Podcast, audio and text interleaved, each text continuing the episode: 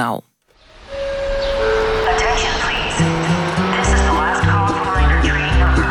Bureau Buitenland, Nachtexpress. En provenance de Paris-Montparnasse. Presentatie Abdou Bouzerda. Informiamo i viaggiatori che il treno regionale Welkom terug in Warschau, de zesde halte van de Bureau Buitenland Nachtexpress... met onze reisgids Marek van der Waterin. We hebben nog een uur en die hebben we hard nodig... want er valt nog veel te ontdekken in deze Poolse stad. Marek, in het eerste hebben we het al over gehad... je gaat regelmatig naar Warschau, je hebt verschillende kunstprojecten... En ehm, ik heb van jou begrepen in uh, ons voorgesprek dat jij ook um, erover denkt om te gaan integreren, zoals jij dat noemt, in een voetbalsupportersvereniging. Waarom en aan welke vereniging denk je? Ja, ik, um, dat komt deels omdat ik uh, uh, een blaadje eigenlijk koop sinds ik dat een keer in de schappen zag staan. En dat heet Tomik Kibice. Dat betekent wij de supporters. Dat heb ik hier liggen, ja. Dat, ziet er, dat is een soort kleine glossy. Mag ik het even hebben? Ja, absoluut. Dat is een kleine glossy. Uh, die heel karig is vormgegeven met vooral veel mooie kleuren. En die Oh, kleuren. veel foto's. Veel foto's. Eigenlijk is het een fotoboek, mini-fotoboek, elke maand uitgebracht van wat alle hooligans uit alle windstreken in Polen uitvoeren. Vaak zijn de middelste pagina's, soms is er een spread met hoe ze elkaar eh, op hun hoofd slaan. Eh, vaak veel kleur. En op het einde is er altijd een column met hoe het is in de gevangenis. Eh, dus dat, dat fascineert mij enorm hoe zo'n groep zich dan dat ik probeert... Pools kan lezen. Ja, dat is jammer. Ik zal het eh, voor je vertalen hierna. Eh, dat zijn de mooiste verhalen. Eh, maar het is voor mij fascinerend hoe zo'n groep zich probeert te uiten. Dus nieuwe symboliek uitvinden of oude symboliek. En dat kun je gewoon in een kioskje in Polen kopen. Ja, sterker nog, dit kan je op het vliegveld kopen. Dat staat dan wat verborgen tussen... ja, zeg maar tussen de, de, de soft eh, porno en de, en de hengelaarsboekjes. Ja, dat is ook een soort porno eigenlijk. Ja, absoluut. Je Ja, ziet ook, ja, er zijn kleuren, je ziet ehm, Veel rook, hè? eh, Veel, eh, rook. En- ja. maar ook gemaskerde mannen heel veel. Hè? Ja, heel veel, ja. Ja, En de mannen die niet gemaskerd zijn, die zien er zo uit als een soort van mariniers in trainingspakken. Ja, die zijn compleet afgetraind vaak. Ja. En die zijn er niet alleen om te zingen, zeg maar. En om welke club gaat het? De, de hooligans die jij wilt gaan volgen? Ehm, ja, toevallig zag ik hier in dit blad ook een oproep voor een fotograaf. Dus ik, ik denk eraan om daar serieus op in te gaan. Mhm. Ehm, het gaat om eh, Legia Warschau. Ehm, Legia zegt het eigenlijk al, het legioen. Dat is een oude club die eigenlijk roots heeft als ehm, een leger. eh, team, legervoetbalteam. Dus het heeft alles in zich om een soort van super nationalisme eh, te dragen. Dus je ziet ook dat fans daarvan heel erg leunen op eh, wat de regering nu aan het doen is ook. Dus eh, de adelaar, het rood-wit. Eh, bij Lega zit er nog groen bij. Ehm, maar ik vind het interessant hoe die twee samengaan. En Ja. hoe ik dat dan van veraf kunnen wij dat al herkennen. Aan de kleuren, aan ehm, de rooksignalen, aan alles kunnen wij dat zien. Dat fascineert mij hoe zij tot zoiets komen. Want het eh, hooligans, dat zijn, daar zijn wij helaas in Nederland onbekend mee. Ehm, niks mis met voetbalsupporters overigens, maar ik heb het over gewelddadigheid. Ja, Maar er is toch iets anders aan de hand in, in Polen. Misschien moet je dat even uitleggen. Waar hebben we het over als we het over hooligans in Polen hebben? Ik denk dat dat, dat zijn twee dingen. En deels, eh, zoals ik net zei, dat is dat er nu... en dat zie je steeds vaker... ehm, bijvoorbeeld op de dag van de onafhankelijkheid afgelopen november... dat hooligans eh, zich samenspannen van verschillende clubs... om Polen, zoals dat nu eh, door de regering gepropageerd wordt... om dat een hart onder de riem te steken. Dus dat gaat nu ineens deels heel erg sterk samen met het nationalisme. Het andere is, en dat vind ik ook fascinerend hoor... dat het wordt professioneler. Dus het is goed georganiseerd. Er zit een hele infrastructuur onder. Ehm, mensen trainen bijvoorbeeld om te vechten. Ook in groepen te vechten. Dat kennen we hier ook een beetje. Ehm, maar zoals het er daaraan toe gaat... eh, op internet zijn bizarre filmpjes te vinden van... ehm, MMA-wedstrijden 6 tegen 6. En eh, vaak zie je dat Polen of Russische vechters, supporters, slash supporters... Ja. eh, daar echt... En het gaat er hard aan toe. da- ja, ehm, winnen slash eh, andere keihard in elkaar slaan. Ja, dat gaat daar heel hard aan toe. Ja, en jij hebt het over integreren. Ehm, Ja. Dat betekent dus dat jij straks een van hen moet gaan worden. Eh, betekent dat jij dan straks ook eh, je hoofd kaal gaat scheren... en eh, nog even snel een fitnessabonnement neemt? Nou, dit zou, dat, dat vind ik een hele goeie. Dit zou wel mijn meest extreme transformatie zijn... om bij iets te horen waar ik een soort van onderzoek Nou ja, naar je doe. moet wel hun vertrouwen winnen. Ja, absoluut. Dus ik, ik maar dus mijn, daarom, dat is geen grapje. Als ik dan zo'n advertentie zie staan van we zoeken een fotograaf, dan denk ik, dit is mijn kans. Ja. Dus eh, eh, ja, de fitnessschool zal ik wel een jaar aan moeten werken. Dus dat zal even, even uitstellen, die integratie. Maar Maar kale hoofd is zo gebeurd. dat gaat zo gebeuren. Ja. Wanneer wil je aan dit project beginnen? Ehm, ik ben nu nog eh, een ander project aan het afronden. Onder andere het pro- project met die professoren. Maar het zou me heel fijn lijken om dit als, ehm, als het tweede deel van het jaar te gaan opstarten. Ja. Kom je dan bij ons, bij Bureau Buitenland, er iets meer over vertellen? Heel graag, ja. ja als, dat, eh, als ik dan niet te ver geïntegreerd ben, om het zo maar te zeggen. Als je daar gearresteerd wordt of eh, wat dan ook. Ja.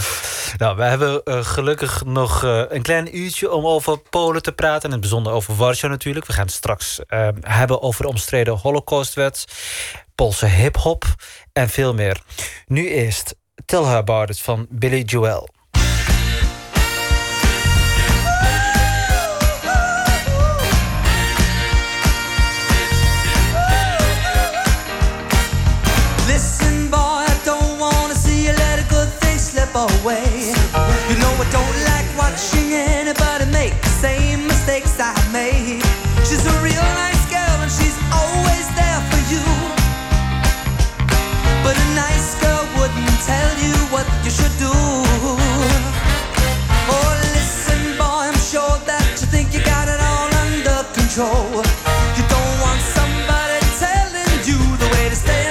Someone's soul. You're a big boy now and you'll never let her go. But that's just the kind of thing she ought to know. Tell her about it. Tell her everything you feel. Give her every reason to accept that you're for real.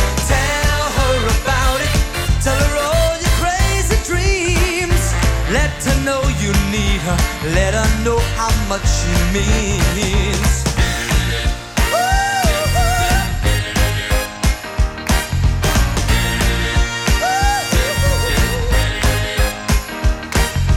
Listen, boy, it's not automatically certain guarantee.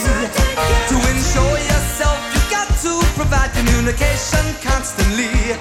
When you love someone, you're always insecure.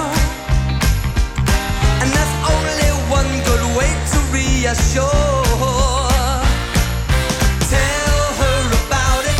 Let her know how much she cares when she can't be with you Tell her you wish you were there. Tell her about it every day before you leave. Pay her some attention, give her something to believe. Cause now and then she'll get to worrying. Because you have been spoken for so long. And though you may not have done anything, will that be a consolation when she's gone? Listen, boy, it's good information from a man who's made mistakes.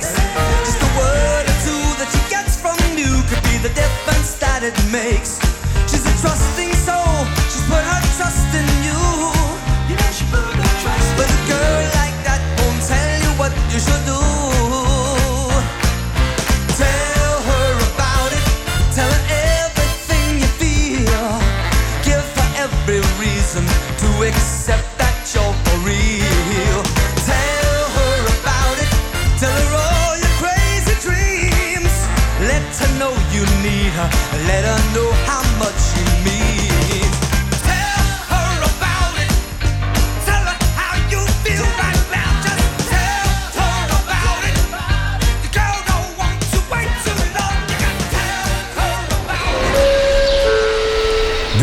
Buitenland Nachtexpress met Abdou Bouzerda.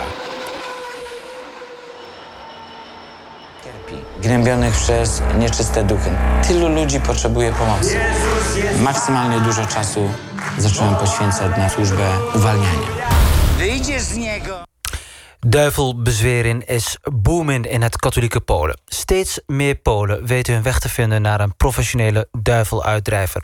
Afgelopen jaren is het aantal exorcisten uitgegroeid tot ruim 130. Er is zowaar een maandelijkse tijdschrift met de naam Exorcista. Maar wat doen deze exorcisten precies? Ik sprak eerder vanavond hierover met een Nederlandse demonenuitdrijver van het bisdom Haarlem. Hij wil in het interview niet met naam genoemd worden. En dus was mijn eerste vraag: waarom niet?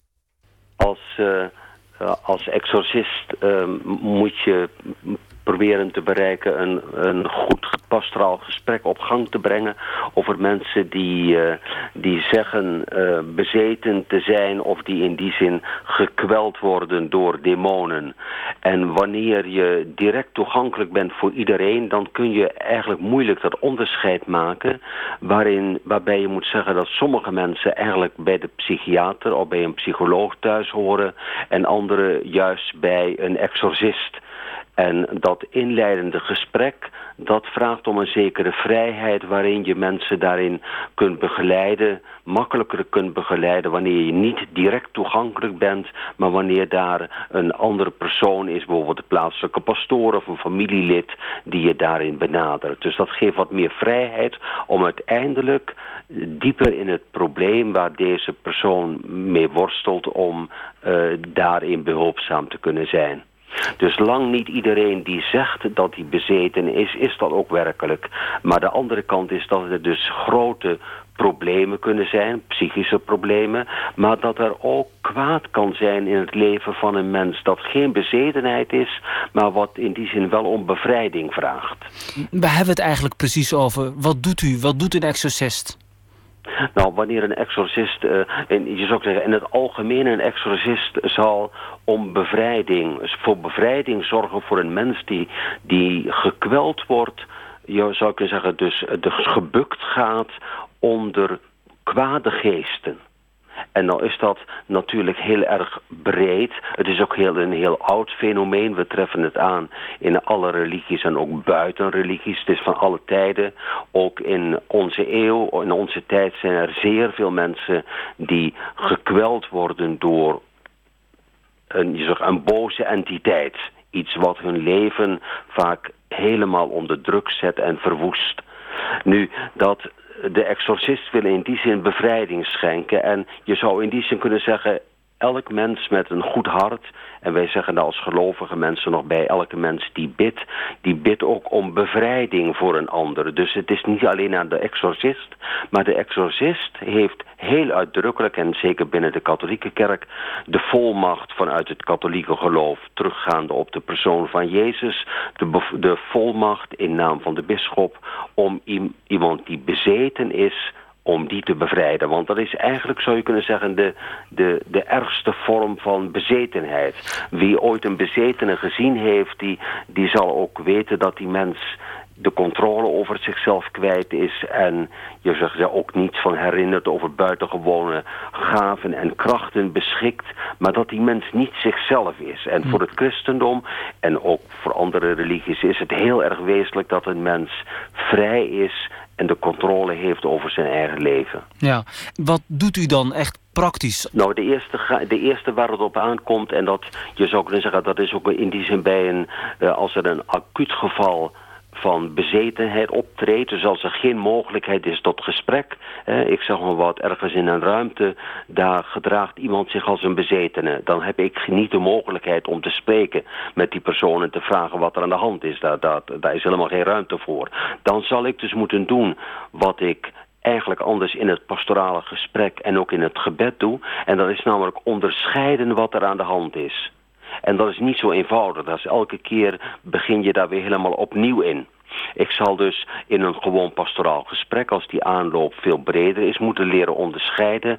Uh, en dat is dan in die zin het specifieke voor de exorcist. Van is hier bevrijding van boze geesten eh, nodig? Is dat, is dat hier werkelijk aan de hand?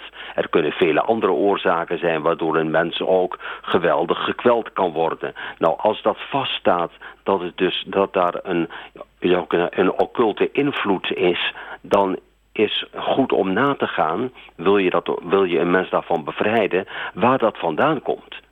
En, en in hoeverre heeft die mens daar zelf de hand in? Heeft hij deelgenomen aan occulte praktijken? Heeft hij het over zichzelf afgeroepen?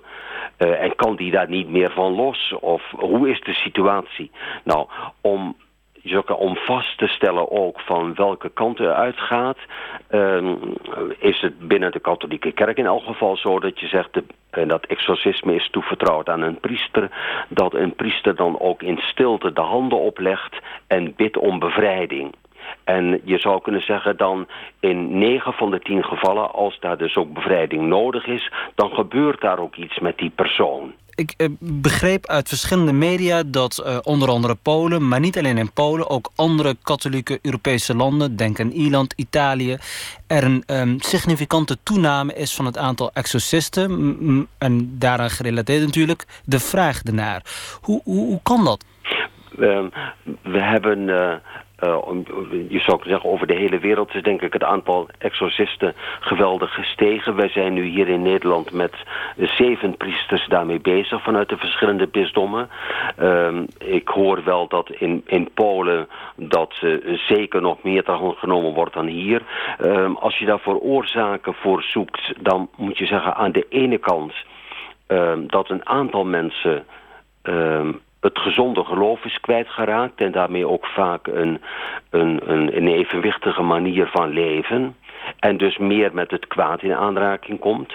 Uh, een andere factor is ook heel zeker uh, dat je moet zeggen dat uh, wij in de tijd waarin wij staan, uh, met al onze mogelijkheden, dat we ook het gevaar lopen dat we veel meer dan vroeger uh, psychische schade lijden en in aanraking komen met dingen waar men vroeger niet zo bij stil stond of alleen maar in een hele kleine groep. Ik zeg maar wat, nu, uh, vandaag de dag, als je dat wilt, kun je via internet heel gemakkelijk in aanraking komen met allerlei duistere praktijken of met occulte praktijken.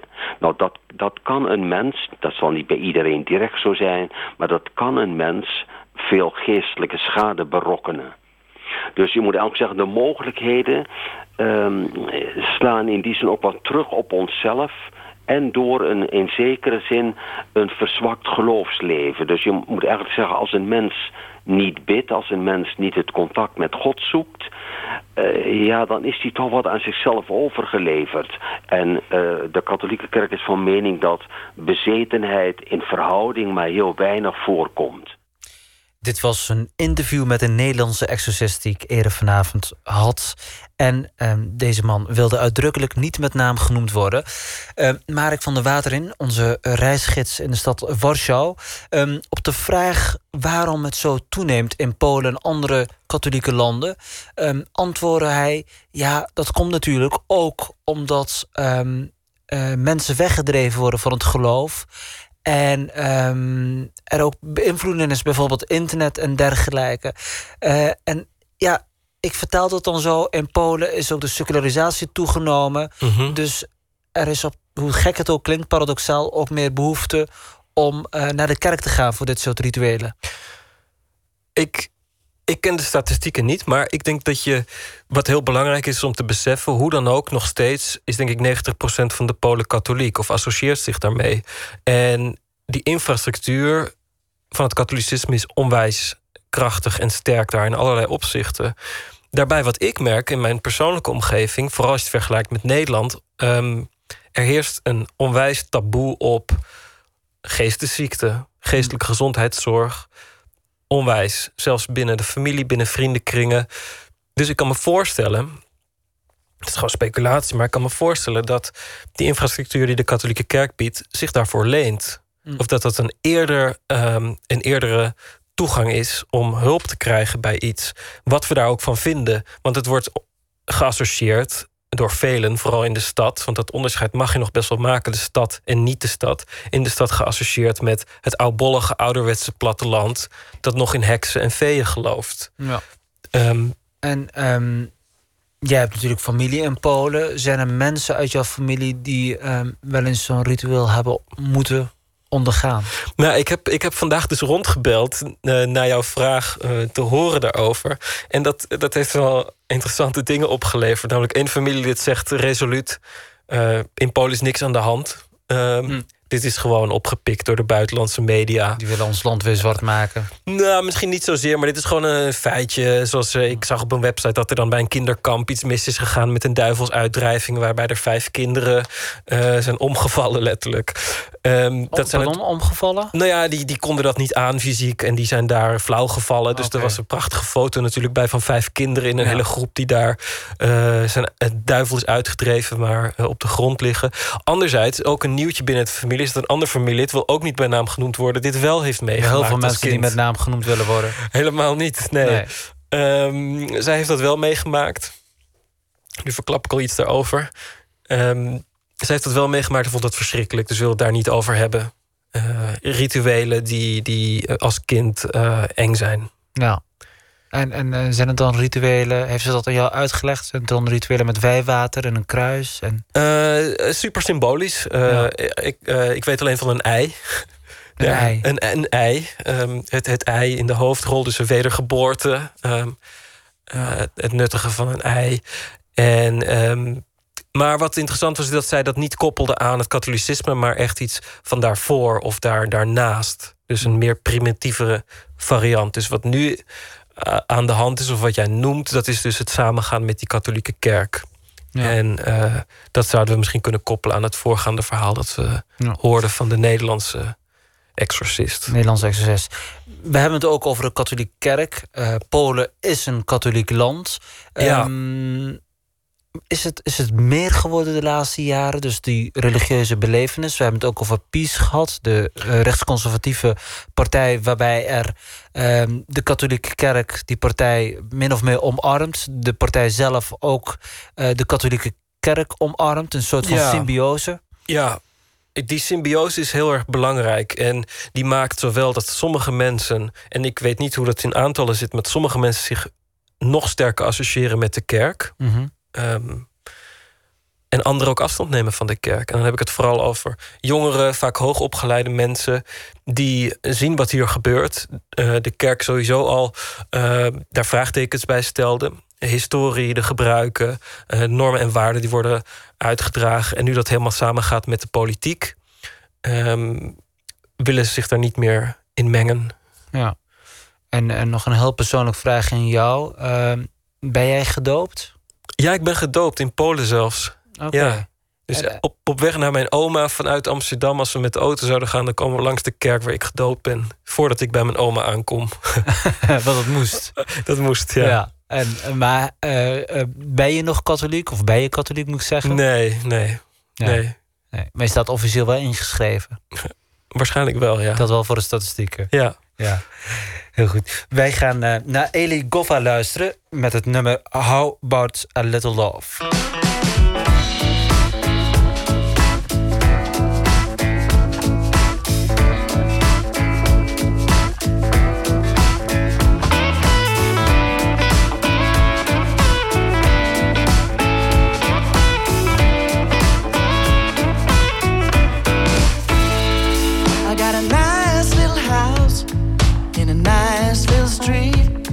I got a nice old car, nice pair of shoes on my feet.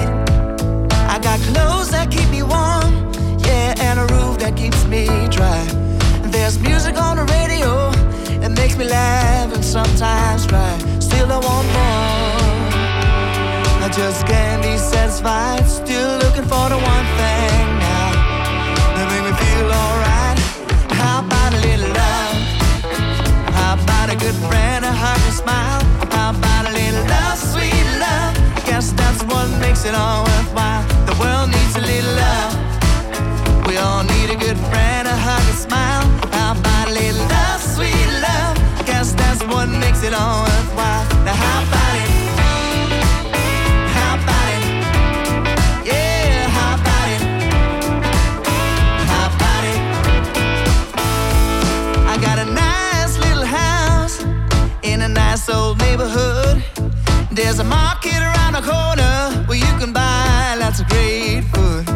There's a barber and a butcher, yeah, even a drugstore at the end.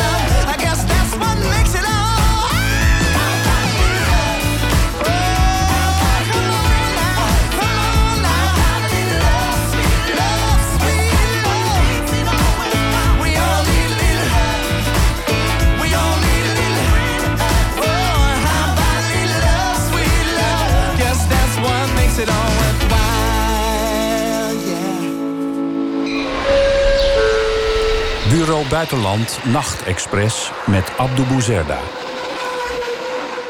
De Poolse president Duda heeft begin deze week de omstreden Holocaustwet ondertekend. Deze wet maakt celstraffen mogelijk voor mensen die suggereren dat het land mede schuldig is aan jodenvervolging in de Tweede Wereldoorlog. Marek van der Waterin. De Poolse regering weet dat het internationaal omstreden is. Israël heeft zeer expliciet eh, geprotesteerd bij de regering in Warschau en toch doorgezet. Hoe verklaar jij dat? Nou, het heeft denk ik te maken met iets eh, waar we het eerder al over hebben gehad. En dat is dat ehm, de Poolse regering is nu bezig om Polen te zeggen... wij zijn altijd goed geweest. Of in ieder geval hebben altijd goede voornemen gehad. En die twee worden denk ik ook wel eens verward. Dus er is geen ruimte meer om vraagtekens bij dingen te zetten. En die mag ook niet gegeven worden. Niemand mag vraagtekens zetten bij dingen. Dus het eenduidige beleid is... Polen zijn altijd goed geweest. En vooral in de moeilijke tijden voor Polen. Het is natuurlijk eh, onzin. Maar dat is eh, stevast nu het beleid. Ja. Ik, ik, het is wel mijn taak om je te waarschuwen met eh, woorden als zin en onzin. Want binnenkort is het echt wet in Polen. En jij bent regelmatig in Polen. ja, nee, dat, je hebt gelijk. Ja, goed. Maar, en, en, maar wat ook wel opvallend is trouwens... is dat dit eigenlijk een soort dubbele wet is natuurlijk. En deel dat je nu niet hebt genoemd... is ook het strafbaar stellen van eh, zeggen... Poolse concentratiekampen. En dat is Mhm. ook iets waar deze regering bijzonder goed in is... om een soort pakketten aan wetgeving erdoor te brengen... waarbij het met het ene wel en het andere niet eens kan zijn. Dus dat Ja. is ook een hele ehm, eh, bijzondere strategie. Ja. Maar ik denk deze regering maakt het zichzelf ook heel erg moeilijk. Want je kunt aan de ene kant gewoon zeggen van nou, ehm, Polen eh, is goed geweest eh, in het onderwijs, waar we eerder al naar geluisterd hebben, in de reportage van Michiel Driebergen. Ehm, maar waarom nog zo'n strafbepaling? Waarom is dat zo belangrijk om het zo expliciet te codificeren in een wetboek? Ik vind dat eerlijk gezegd heel moeilijk te verklaren. Maar ehm, het is niet het eerste en het zal ook niet het laatste zijn... wat gewoon structureel verandert. Er is binnen no time is het onderwijssysteem op de schop gegaan. Waarschijnlijk alleen maar als formeel signaal... dat deze regering andere prioriteit heeft. Namelijk, Polen is sterk op zich. En wat anderen willen of doen, daar trekt het zich niks van aan. Ja. Is dat ook iets wat eh, de meeste Polen op straat vinden? Eh, Ik denk, ehm, en ik vind het jammer dat ik het onderscheid moet maken. Ehm, in de stad, ehm, of zeg maar de, de, de, de wel Gestelde opgeleide, welgestelde, klassieke, goed opgeleide. Ook inmiddels jongeren die veel informatie tot hun beschikking hebben, die zullen het daar absoluut eh, niet mee eens zijn. Hmm. En want die, die, die, die kennen de feiten, die weten eh, hoe het zit. En dat dit gewoon een deel is van een, van een machine die in werking is gezet en die niet meer gaat stoppen. Maar iedereen die ik dat vraag, die ik ken, die tot die groep behoort, die zegt: ja, maar waarschijnlijk gaat deze regering wel een tweede termijn of een nieuwe termijn tegemoet. Hoe komt dat? Omdat er heel veel mensen zijn die nog steeds de vruchten niet plukken van uh, het liberalisme of het neoliberalisme, die nog steeds uh, in die grijze blokken wonen, die nog steeds geen baan hebben, die nog steeds uh, zich er niet bij vinden horen. Ja. En dat is precies de groep die deze regering aanspreekt en ook aanwakkert. Ik wil het over de achterban van uh, PiS, dus de Partij van Recht en Rechtvaardigheid, uh, meer over weten van jou. Maar laten we nog even bij die holocaust blijven. Jouw grootvader is verzetstrijder geweest in, uh, in Polen. Dus ja. die heeft tegen de nazi's gevochten, neem ik aan. Ja. En misschien ook tegen de Russen, maar dat, dat weet ik niet. Dat weet ik ook niet. Ja. Um, hoe, hoe wordt binnen jouw familie over die zwarte hoofdstukken uit het verleden gedacht... en de aanwezigheid van al die vernietigingskampen in Polen?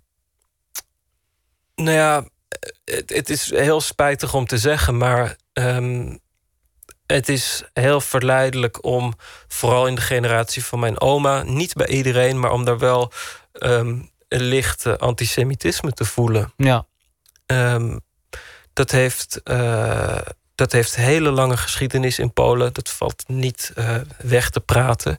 Maar dat is nog zichtbaar. Maar gelukkig merk ik daar nu niks meer van. Nee.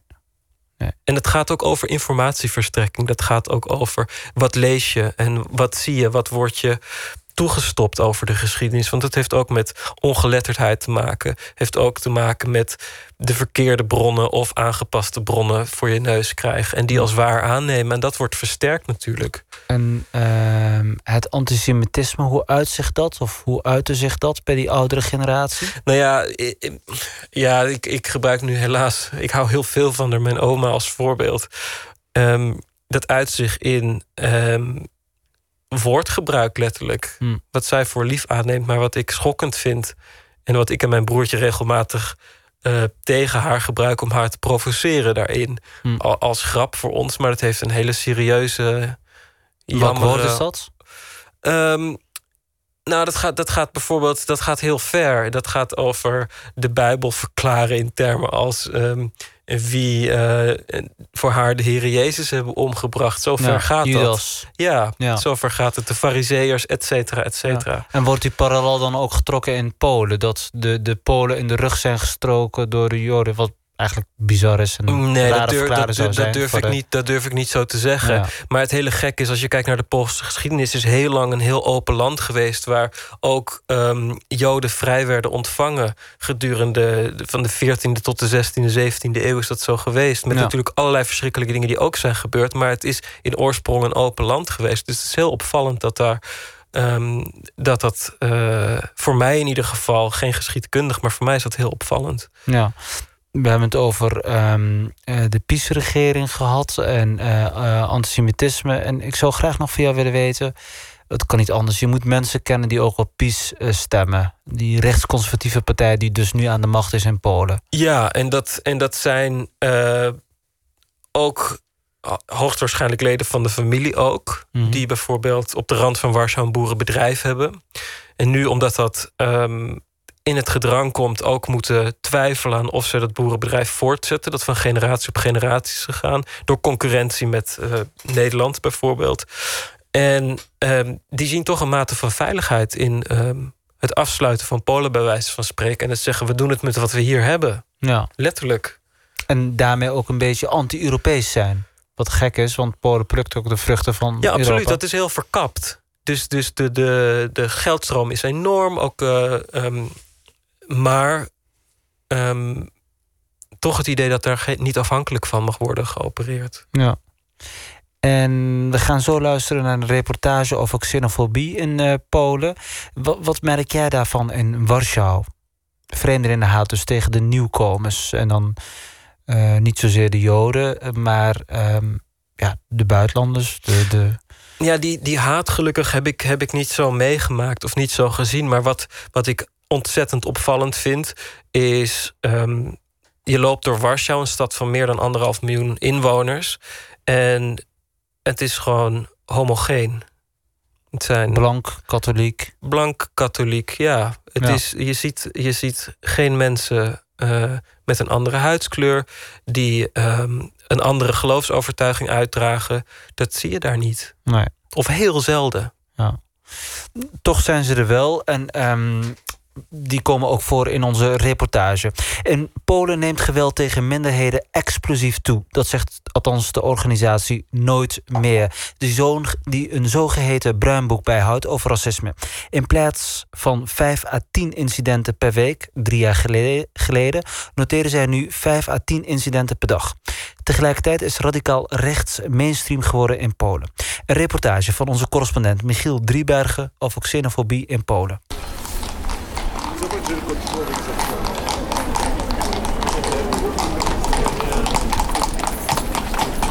Ik ben in het centrum van Krakau, de tweede stad in Polen.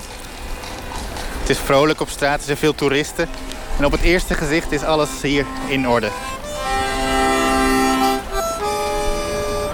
Maar hier op de groene stadsring rondom het centrum gebeurde afgelopen zomer iets wat steeds vaker gebeurt in Polen. Geweld tegen een buitenlander. And I was walking and uh, three guys from Poland they stopped me and they asked me what you do here. I say I'm I'm going to home.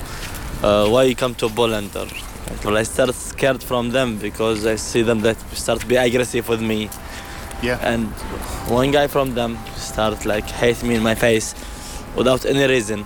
Munassar, eind 20 schat ik, komt uit Jemen. Hij heeft hier verblijfstatus voor twee jaar en studeert en werkt in Krakau. Hij werd hier zonder aanleiding op straat in elkaar geslagen. And later they start like fighting with them. Everybody walk near us without even like help me. And later I start run and I enter some shop. And from there, guys they work in shop. They ca they call bullies. This was my hand, my face, my back, like a lot of place in my body. Inmiddels is Munassar hersteld van zijn verwondingen, maar de schok is nog niet weg. Het nare was, zegt Munassar, de politie discrimineert mee. And they come, but they don't do nothing. Like first thing when come police, they say in Polish like "Tilko Arabov" or this. for- Tilko Arabov. Yes. There's in English like, oh, just this Arabic guy. It's nothing important. Ach, het is maar een Arabier, zeiden ze. Polen is een monocultureel land. En daarmee is het onderwerp xenofobie ook zo ongelooflijk ingewikkeld en vreemd. Ik woon in Krakau en ik zie zelden Arabieren of moslims op straat. Maar toch neemt het anti-islam sentiment in Polen ziender ogen toe. Wielka Polska bez islamu! Wielka Polska bez islamu! Wielka Polska bez islamu! In ditzelfde stadscentrum was een paar weken geleden een anti-islammars, georganiseerd door ONR, het Radicaal Nationale Kamp. Zo'n duizend piepjonge nationalisten herdenken de slag bij Wenen, 333 jaar geleden. Toen versloeg een Poolse koning de Turken.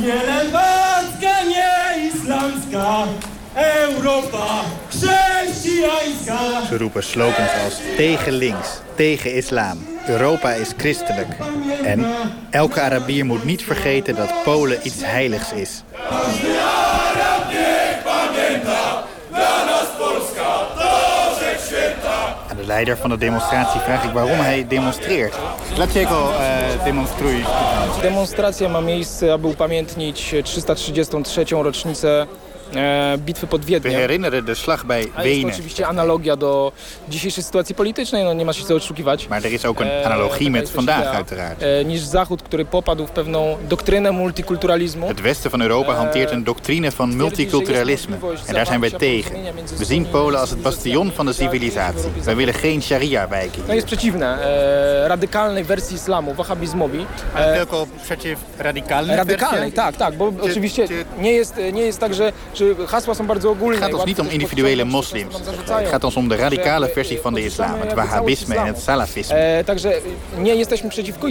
takiemu. Dat klopt, de slogans zijn heel algemeen, zegt hij, maar we zijn niet tegen moslims op zich. Które odwołują się do ideologii ISIS, tak? Dla mnie jest trochę dziwne, bo tutaj w Polsce nie ma islamu. Ik vraag hem waar de Polen zo bang voor zijn, want ja, er is hier in Polen amper islam. Ik zie amper moslims. Demografia i to, czy, czy, czy islamiści, czy muzułmanie Het is zo, zegt hij, maar het gaat er ons vooral om dat we in Polen controle willen houden over wie er binnenkomen.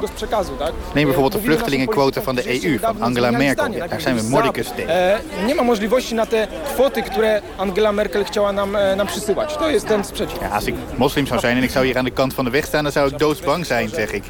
Ja, daar kan ik me iets bij voorstellen, zegt deze demonstratieleider. Maar het gaat ons om de sectarische kanten van de islam. Het gaat ons echt niet om directe confrontatie met moslims. Daar doen we niet aan. żeby bić muzułmanów na ulicy, którzy nie mają z tym nic wspólnego, tak?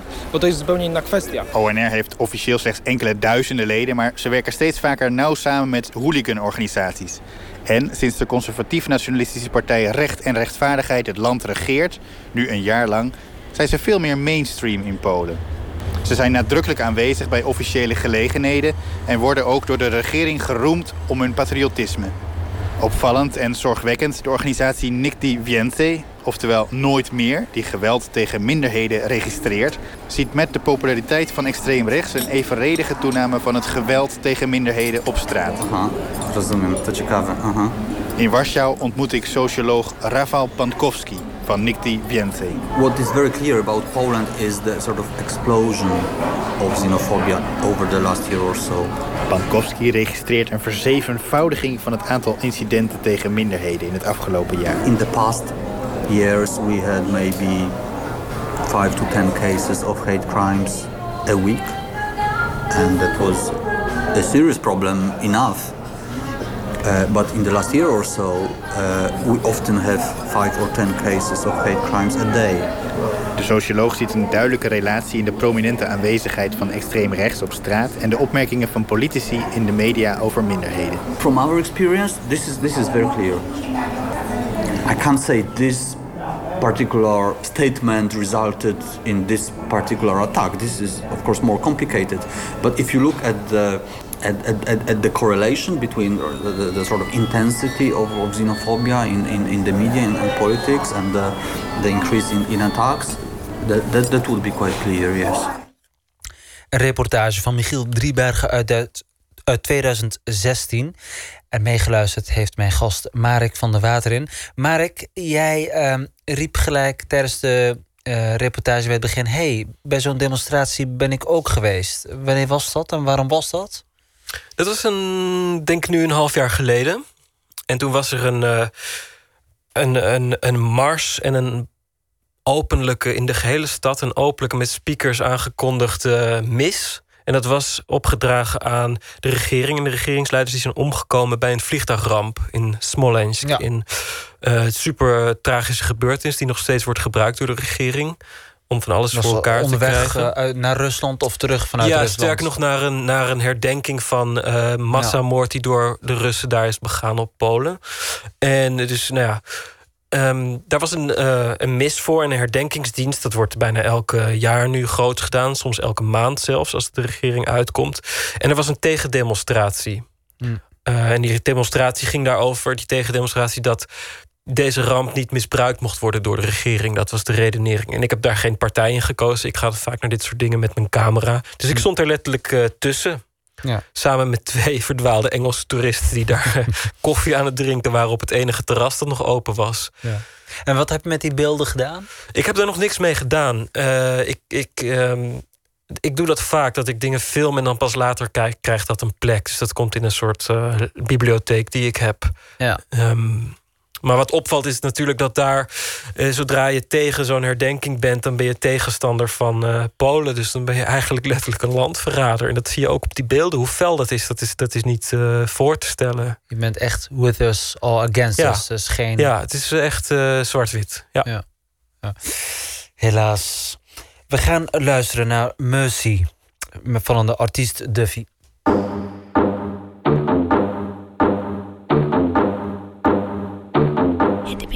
To the verse now.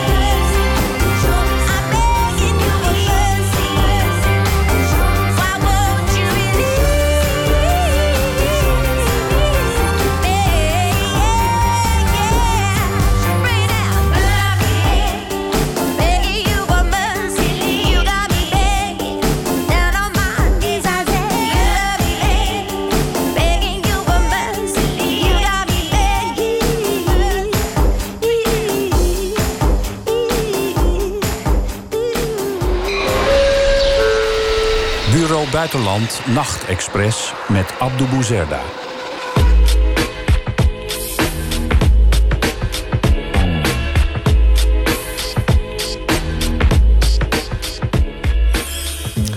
Poolse rapmuziek. Met het wegvallen van het ijzeren gordijn kwamen westerse invloeden Polen snel binnenwaaien.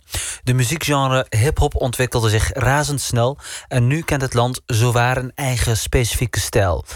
Marek van der Waterin, onze reisgids in de stad Warschau, halte 6 van de Bureau Buitenland Nachtexpress. We hoorden net een, eh, een fragmentje, een begin daarvan. Het is op jou ehm, aanraden dat wij hem hebben opgezet. Ja. Van, van wie is dit nummer?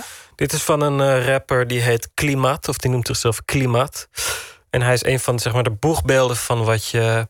De, in Polen noemen ze het niet-legale rap of hip-hop. Dus die gaat buiten alle platenmaatschappijen nog steeds om. Die Mhm. verspreidt dat via internet inmiddels. Maar vroeger waren dat zeg maar bootlegs. Dus dan kon je CD's of. of Beetje underground. underground. En ja, en dus niet dat commerciële succes dat bijvoorbeeld een van de belangrijkste rappers in Polen, Leroy, heeft gehad. Hmm. Onwijs veel geld verdient. Helemaal westers model. Nu politicus. Oh ja? Eh, ja, die is nu Voor net politicus geworden. Volgens mij is hij ergens in een regionale partij. Nu ziet er ook uit als politicus, niet Ja. meer als rapper. En niet voor Pies of eh, een andere Nee, volgens mij niet. Maar ik kan me best voorstellen dat hij ergens in de rechtse hoek zit. Nee, ja. Oké. Om allerlei redenen. Ja. Eh, maar dit was klimaat. En, en, en wat mooi is bij hem is dat hij gebruikt. Hij is vrij natuurlijk, want hij zit in die underground scene. Eh, maar hij gebruikt wel eh, samples uit de historie. Bijvoorbeeld Chopin gebruikt hij. Dus de Poolse historie komt bij hem naar boven. Zonder dat dat per se eh, nationalisme wordt. Ja. En ehm, dat is een thematiek, dus die nationalisme of de geschiedenis, de historie van De Polen. geschiedenis, ja. ja. ja, M- Maar wat, wat zijn nog meer de thema's die terugkomen in Poolse rap? Nou, ik, ik, wat, wat interessant is, dus je, je kan zeggen van oké, uit Amerika overgewaaid, dat ijzeren gordijn valt, dan heb je die hip-hop en die rap. Maar in Polen was dat allemaal nog niet zo heel makkelijk, want je hebt daar bijvoorbeeld dus die vrij homogene gemeenschap. Dus, wie- dus wie is er nou anders en op welke manier? Eh, dus waarover te rappen. En dat bleek toen aan te slaan, na Disco Polo, opvallend genoeg, ehm, in de grijze blokken waar we het over hadden. De bewoners daarvan die hadden ook een specifieke soort verzamelnaam. Dat heette blokkerse. Dus de mensen Blokkerse. uit blokkerse, de mensen uit de blokken. Ja. En of de dresschaze, ik kan het bijna zelf niet eens uitspreken door Ja. de, de, de mensen met de trainingsbroeken waar we het over hadden. Dressage, met die Adidasje. Met de Adidassen, precies. Die ook kale kunnen koppen. zijn, of een andere sportmerk. Ja, precies. Eh, eh, Maar altijd Adidas te zijn. En ehm, zij vonden dus uit van... oké, eh, wij kunnen ook een stem krijgen binnen dat genre dat van buiten komt. En dat zijn dan vooral de mensen die geen kans hebben gekregen. Dus zeg maar zogenaamde verliezers in het nieuwe systeem na het communisme. Dus dat is heel opvallend. Dus die gebruiken dat om hun verlies zeg maar kenbaar te maken. Dus in die zin is eh hip-hop ook universeel, ook in Polen. Het is de stem van de eh, onderdrukte, of in ieder geval mensen die zichzelf zien als de onderdrukte. Absoluut, ja. ja. ja. En is het dan ook ageren tegen het establishment, bijvoorbeeld tegen deze regering? Ehm, nou, ik vind dat er zijn nu meerdere stromen, denk ik, voor zover ik dat weet, gaande. En eentje, dat is heel opvallend, die wordt juist steeds eh, eh, nationalistischer, patriotischer. Want zeg maar, je kan je voorstellen dat toen dat ehm, nieuwe neoliberale systeem zeg maar, in Polen aansloeg, maar bij sommige mensen niet. En dan hebben we het over die blokkers, dat die zijn gaan zoeken naar wat bindt ons nou? En dan kom je al snel uit bij universele Poolse, traditionele waarden. Mhm. Dus binnen dat nieuwe genre van de hip-hop toen kwamen hele traditionele dingen weer boven. Dus het is niet zo gek dat er nu ook nog steeds rappers en hiphoppers zijn die die traditionele waarden verkondigen. Ja.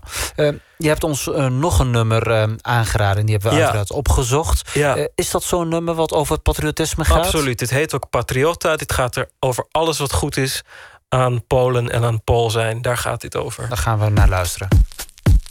Bit tłusty, niczym ustaszczona kartera Plus dwóch tych, którzy mają coś, co rozbiera. Puścisz i biusty już jak matera Cudziutki, choć dmuchni, pozdrów Finkera Siema, błyszczy jak chrom na felach Ideał, niczym arcydzieła Rafaela Potrójna platyna, tu się zgina To jest klimat, talenty ukryte jak złoto w skrzyniach Hitów kombinat, bugaj tu wirat. Łap drina, za polski słownik pijacki Tu wima, za szybko się wspinam. Możesz mnie cmoknąć w kija I tak cię likwiduję niczym eurolira. To jest klimat, niczym Malia Jeden na milion, tutaj masz centralę Twój rap może być filią jak kotylion Przy nas jesteś tylko dodatkiem, ty nie rymujesz, ty kaszlesz Jakbyś był chory na astmę, senny jak alabaster. Popularny jak basket, nasz czas nadszedł, czy to jasne? K, L, I, M, A, T Skład najlepszy na terenach, chcesz tego czy nie? F-I-N-K-R Wielka to jest ta załoga, która gra najlepszy rap. To jest tak, aj, to jest tak. Rap, K-L-I M-A-T Skład najlepszy na terenach, chcesz tego czy nie?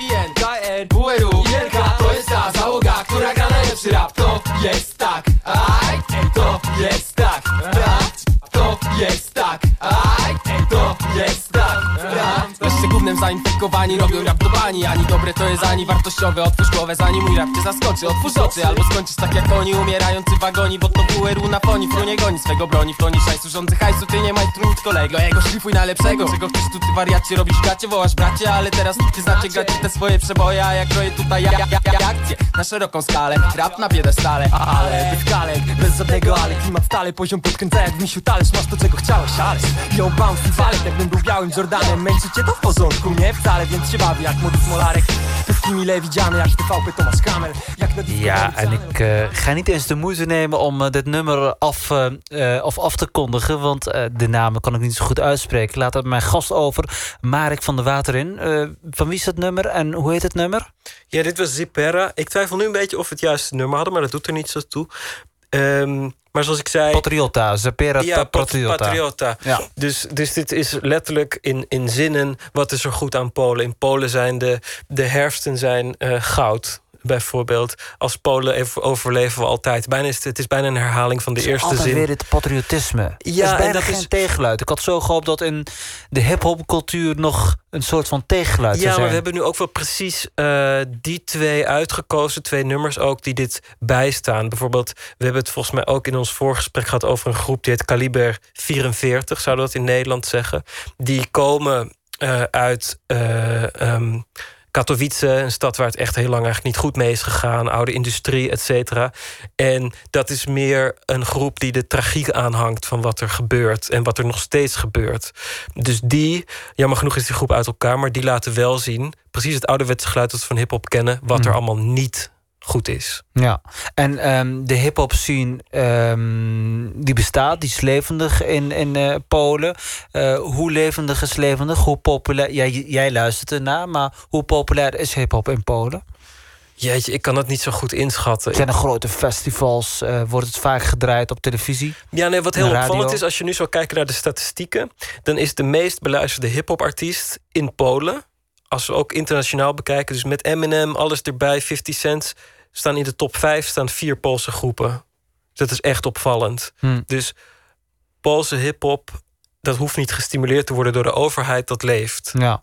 Daar kan geen import tegenop. En, en Poolse hip-hop is in het Pools. Eh, het klinkt heel goed, maar eh, is het Pools ook een taal waar je heel veel mee kunt, creatief in een, eh, in een rap?